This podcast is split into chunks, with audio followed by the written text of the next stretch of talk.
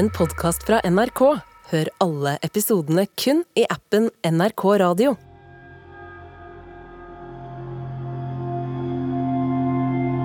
Det er noe som ikke stemmer i ei gammel kirke i Telemark. På veggen er det mala over 2000 demoner. Hvorfor har man på en måte tatt med 2000 djevler inn i kirka? Ingen vet hvem som har mala dem. De vet bare at det mest sannsynlig er mange hundre år siden. Hva er dette? Hva er dette her for noe? Så finner noen forskere ut noe som snur opp ned på alt. så er det at det er så utrolig hva det betyr at noe sånt har skjedd. Altså, jeg fikk gåsehud, jeg. Og det får jeg fortsatt. Det her er mysteriet om demonveggen.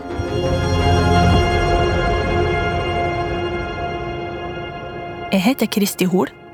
Reporter er Stian Worsø Simonsen.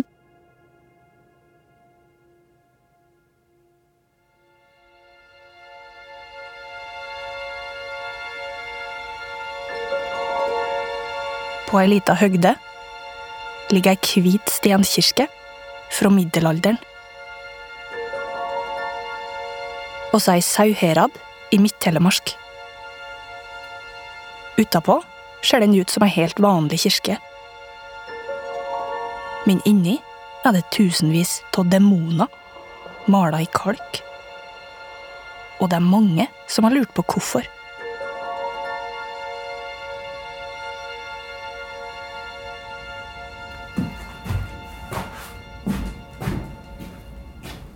Men veggen du er ute etter, den er da her.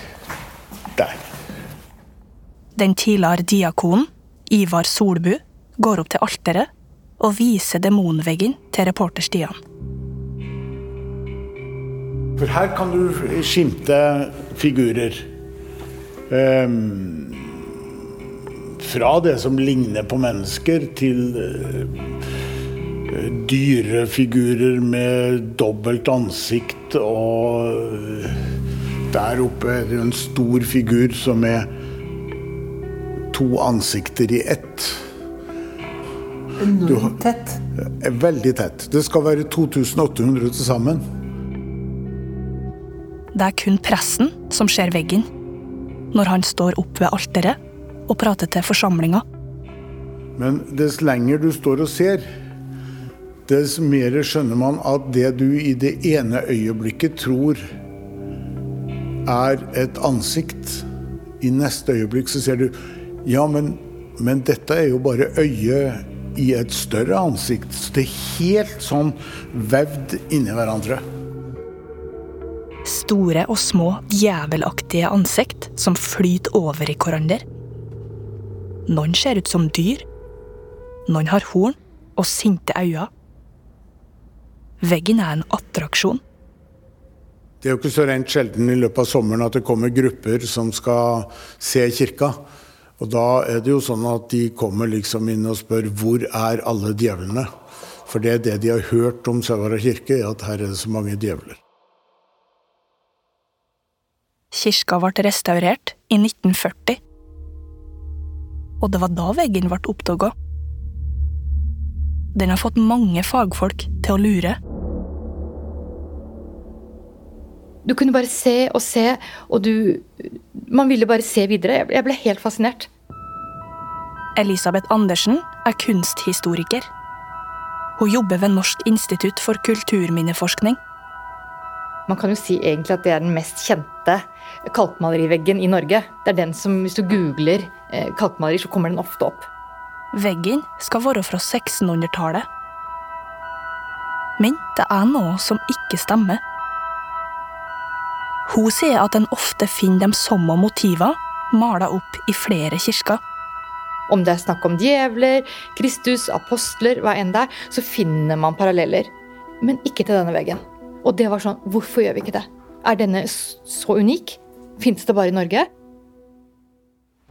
En teori er at to prester som jobba i kirka på 1600-tallet, kan stå bak illustrasjonene. Men de vet ikke. Veggen er et mysterium. Derfor har man alltid tenkt at ok, de er eldre enn 1700-tallet, men man har ikke visst når. Og så har man ikke funnet noen paralleller. Derfor har den alltid vært mystisk, denne veggen. Den har alltid vært sånn eh, Hva er det? Det går nemlig et rykte om veggen. At den ikke er det den utgir seg for å være. For å forstå hva som har skjedd, må vi tilbake til 1940. Året da demonveggen blir oppdaga. I Sauherad skal kirka restaureres. En mann som heter Gerhard Godtås, får jobben. En kunstner og konservator i 60-åra. Tynn i håret, runde briller og røker pipe. Hvilken tilstand er kirka i når han kommer inn her? Jo, kirka var Altså, da var jo alt malt over. Uh, hans hovedoppgave var jo å skulle avdekke maling som var malt over. Det her er Ivar Solbu. Han forteller at alle veggene i kirka er hvite før Gotas begynner arbeidet.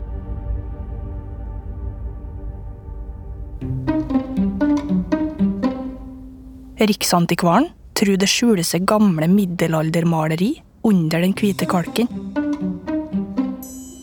Hadde som oppdrag fra Riksantikvaren at han skulle fjerne den malinga som var malt over bildene som er i kirka.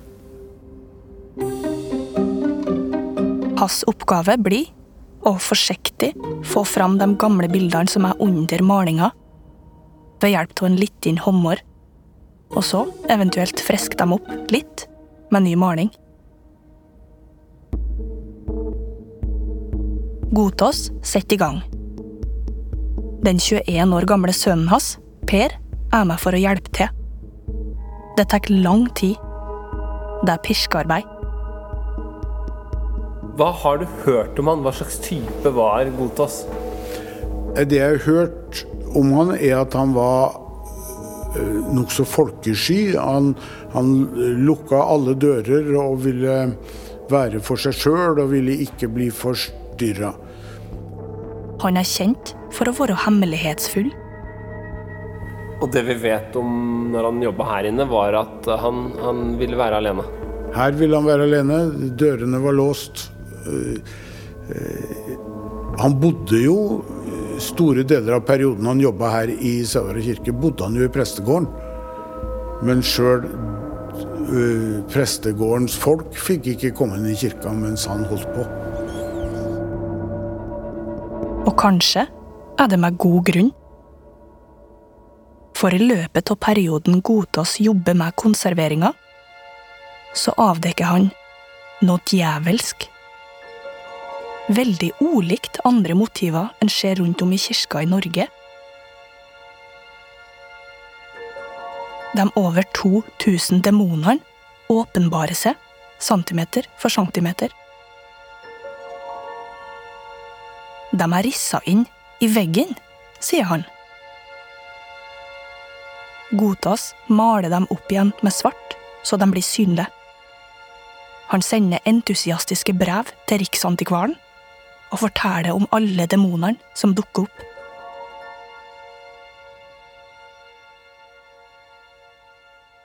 Så blir demonveggen landskjent. Den er en sensasjon. Riksantikvaren skryter av arbeidet Godtås har gjort. Det er takket være han at Sauherad kirke har blitt en severdighet.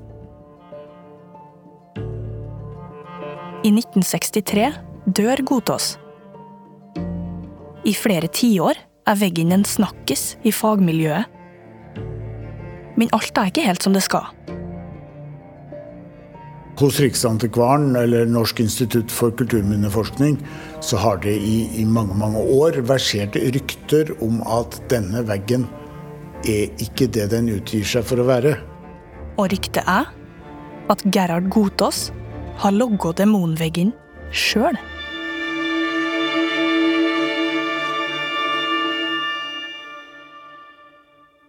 For så å late som at det han har funnet, er gammelt.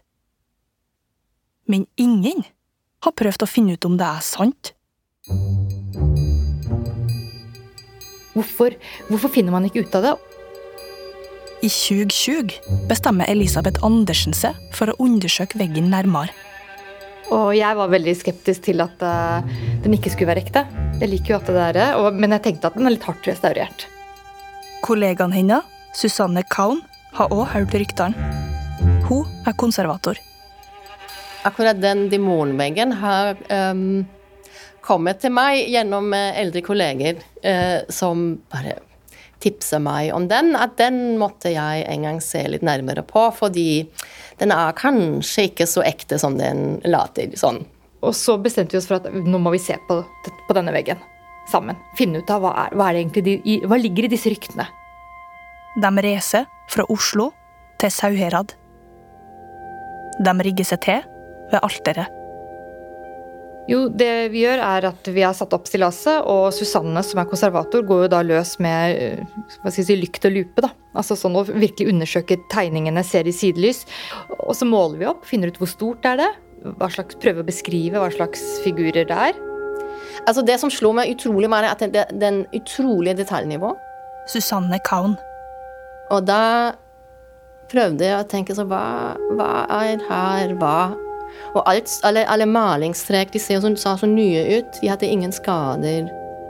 Det var, litt, var, en litt sånn rar følelse å tenke der at kanskje, hva er det egentlig? Kan det være malt nytt? De leter etter spor som kan bevise at Godtås kan ha laga demonveggen sjøl.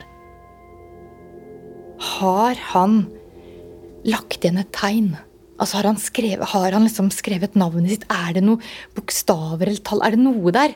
Det var det jeg tenkte, var mest nysgjerrig på. Har han oppi alt dette her skrevet gottos was here'?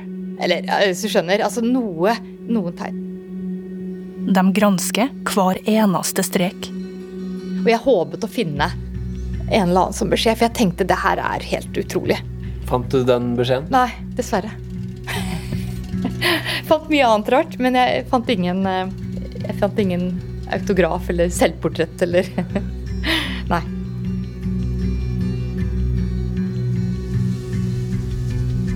De må gang enda mer detaljert til verks.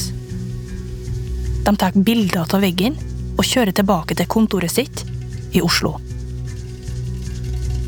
Vi sitter på et møterom med en storskjerm, og på den storskjermen så har vi fotoer oppe som vi sitter sammen og ser på.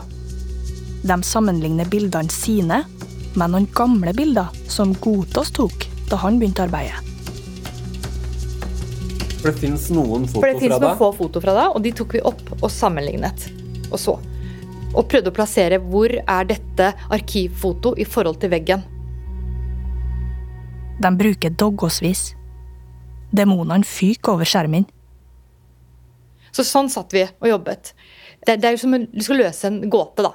Det er sånn detektivarbeid. Så en dag kommer gjennombruddet. Vi hadde bladd forbi et arkivbilde gang på gang, fordi det så bare ut som eh, at det var et dårlig bilde. Et dårlig foto som lå på langsiden, og så var det et foto som vi plutselig så. Ja, Men er ikke dette her et ansikt? Svart-hvitt-bildet de ser på, er ikke helt i starten av restaureringa. På den hvite veggen er det hakka fram et ansikt. Men det her ansiktet ser ikke ut som en demon. Så la vi bildene over hverandre i Photoshop, la de over hverandre, og så at det var jo akkurat øynene på samme sted, nese på samme sted, og håret der hvor hår og skjegg skal være. Øyenbrynene var blitt til larver, skjegget bare var kaskada små jeg vet ikke, jeg ser ut som revehoder og alt mulig figurer i håret. Godtås har mala en demon over ansiktet han fant. Og det er nå Elisabeth Andersen og Susanne Kaun skjønner hva som har skjedd der. Altså, jeg fikk gåsehud, jeg. Og det får jeg fortsatt. Han dekket over det som var der fra før, med flere tusen djevelske ansikter. Og da var det sånn Godt, oss. Der fikk vi det. Fikk kanskje ikke underskriften. Der har vi det. Du har gjort det. Du er en For en luring! Hele bygda trodde at han låste kirka fordi han trong arbeidsro. Og stolt sendte han bilder av resultatene sine til Riksantikvaren, som ga han heder og ære tilbake. Ingen visste at det var han sjøl som har logga demonveggen.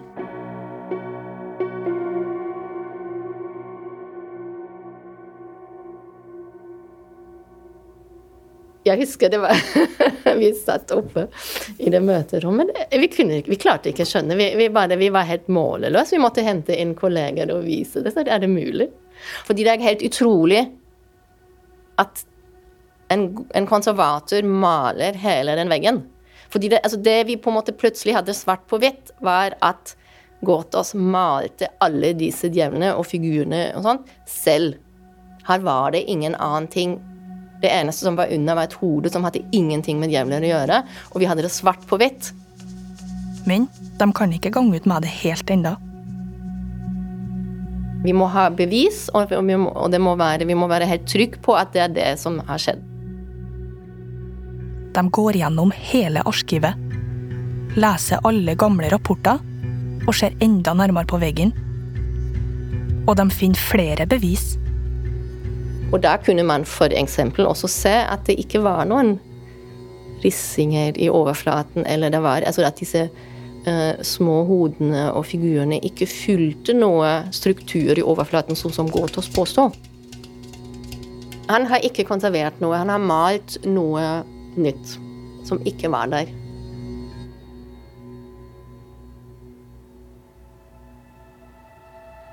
Sommeren 2021 går de ut med nyheten demonveggen er falsk. Denne demonveggen i Sauherad kirke har lenge vært en turistattraksjon. Tegninga ble oppdaga for første gang i 1940, og en har lenge trodd at disse tegningene har vært om lag 400 år gamle, men nå viser det seg at han som oppdaga disse tegningene for 80 år siden, han har vært en luring.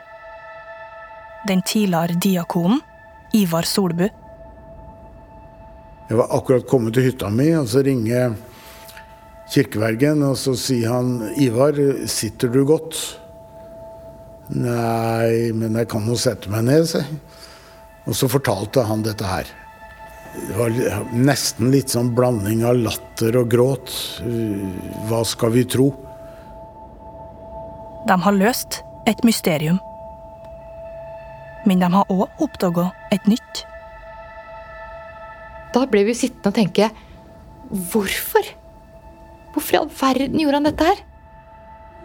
Nei, det, det er jo det som fortsatt er mysteriet.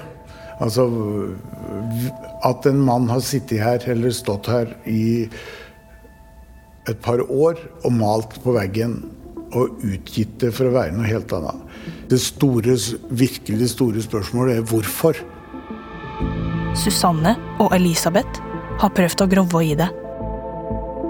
Det er ingen, ingen skriftlige beviser på at det, som kan forklare det. Og det er ingen av de vi har intervjuet som kjenner, eller har foreldre som har kjent han, eller Det er ingenting som tilsier noe som kan forklare det. Men de har lurt på om det var fordi han trong penger. Så lenge han fant ting i kirka, så fikk han jo lønn. De har òg tenkt på om han ville bli berømt, få anerkjennelse. Eller kan han ha sett noe som ingen andre har klart å se? Er det det at han har trodd han har sett det? Altså at eh, han har, at han har liksom sett figurer i strukturen. Og så har han bare fulgt disse fantasien sin, da. Har fantasien tatt overhånd, og så har han bare full streker, og så har han tenkt at han har sett dette her. Jeg vet ikke. Jeg, kan, jeg klarer ikke helt å tenke at han, at han skulle liksom lure noen. I 1940 låste Gotaas dørene til kirka mens han jobba. Men det var jo med en person til. Sønnen hans, Per. Har han visst noe om hvorfor faren gjorde det han gjorde? Og har han fortalt det til noen? Han arbeidet på en annen del av veggen, og han fant ingenting. Det her er Jon Brenne. Han jobba sammen med Per Godtås, sjå Riksantikvaren. Eh, Per uh, traff jo jeg. Han var samtidig med meg når jeg var ung. Så var Per uh, var fremdeles i jobb. Og han var en meget forsiktig, behagelig, rolig mann. Men hva sa Per om arbeidene i Sauherad kirke? Jeg har aldri snakket med ham om det. Snakket aldri om Sauherad med han. Det var på en måte et ikke-tema, bortsett fra at det av og til kom opp på atelieret når vi satt i lunsjen og sånn. Så var det noen som begynte å snakke om det, og da var det alltid alle bare rista på huet. ikke sant? Det var vel en forholdsvis stor skepsis i fagmiljøet. Han har inntrykk av at Per Godtås var veldig redd for å gjøre noe feil i jobben. Og sjøl om det gikk et rykte om at demonveggen var falsk, så gjorde ingen noe med det. Kanskje for å skåne Per? Jeg tror at kanskje noe av det var at ingen ville gå ut og på en måte sverte faren hans da, mens Per fremdeles var i live. Så den saken den ble på en måte, tror jeg, bare lagt død, rett og slett. Jon Brenne tror at Gerhard Godtås mista kontrollen da han jobba i kirka. Han, han, han, har sittet og holdt på med dette her og gått inn i en slags boble, vil jeg tro. Hvor han har mista helt fotfestet i forhold til det han egentlig holdt på med. Han kunne ha funnet noen små spor, og så har han bare fortsatt og fortsatt og fortsatt og ikke klart å stoppe. Han sier at Godtås liker å skape en slags mystikk rundt seg sjøl. Han var jo en person som uh, på veldig mange måter uh, så på seg selv som en trollmann. Ikke sant? Han var, en, uh, han var ikke konservator. Han var noe som tryllet frem ting.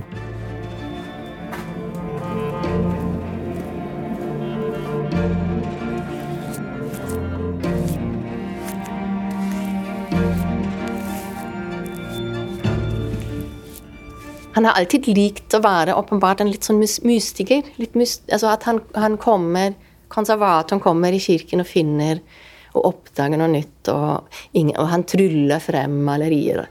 Han likte å fremstille seg sånn.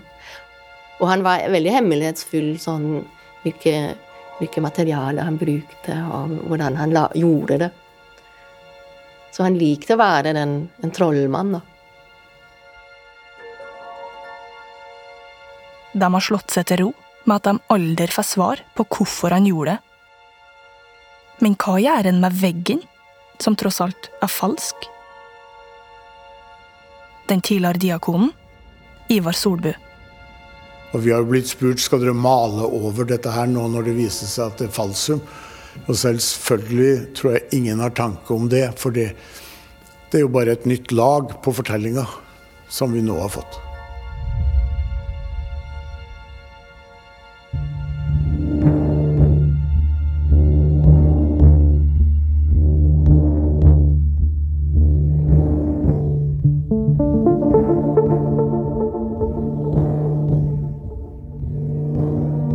Du har hørt Mysterier fra Norge.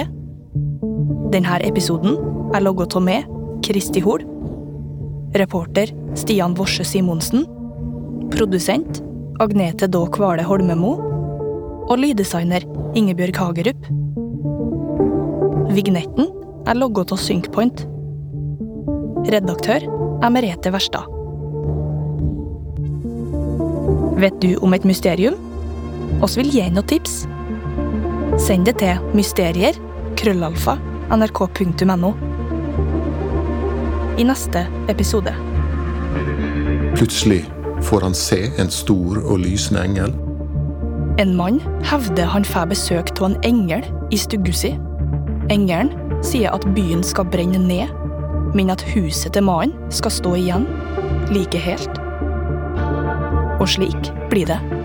Jeg fornekter ikke at det, det, det, er et mirakel, men det kan være noe annet også.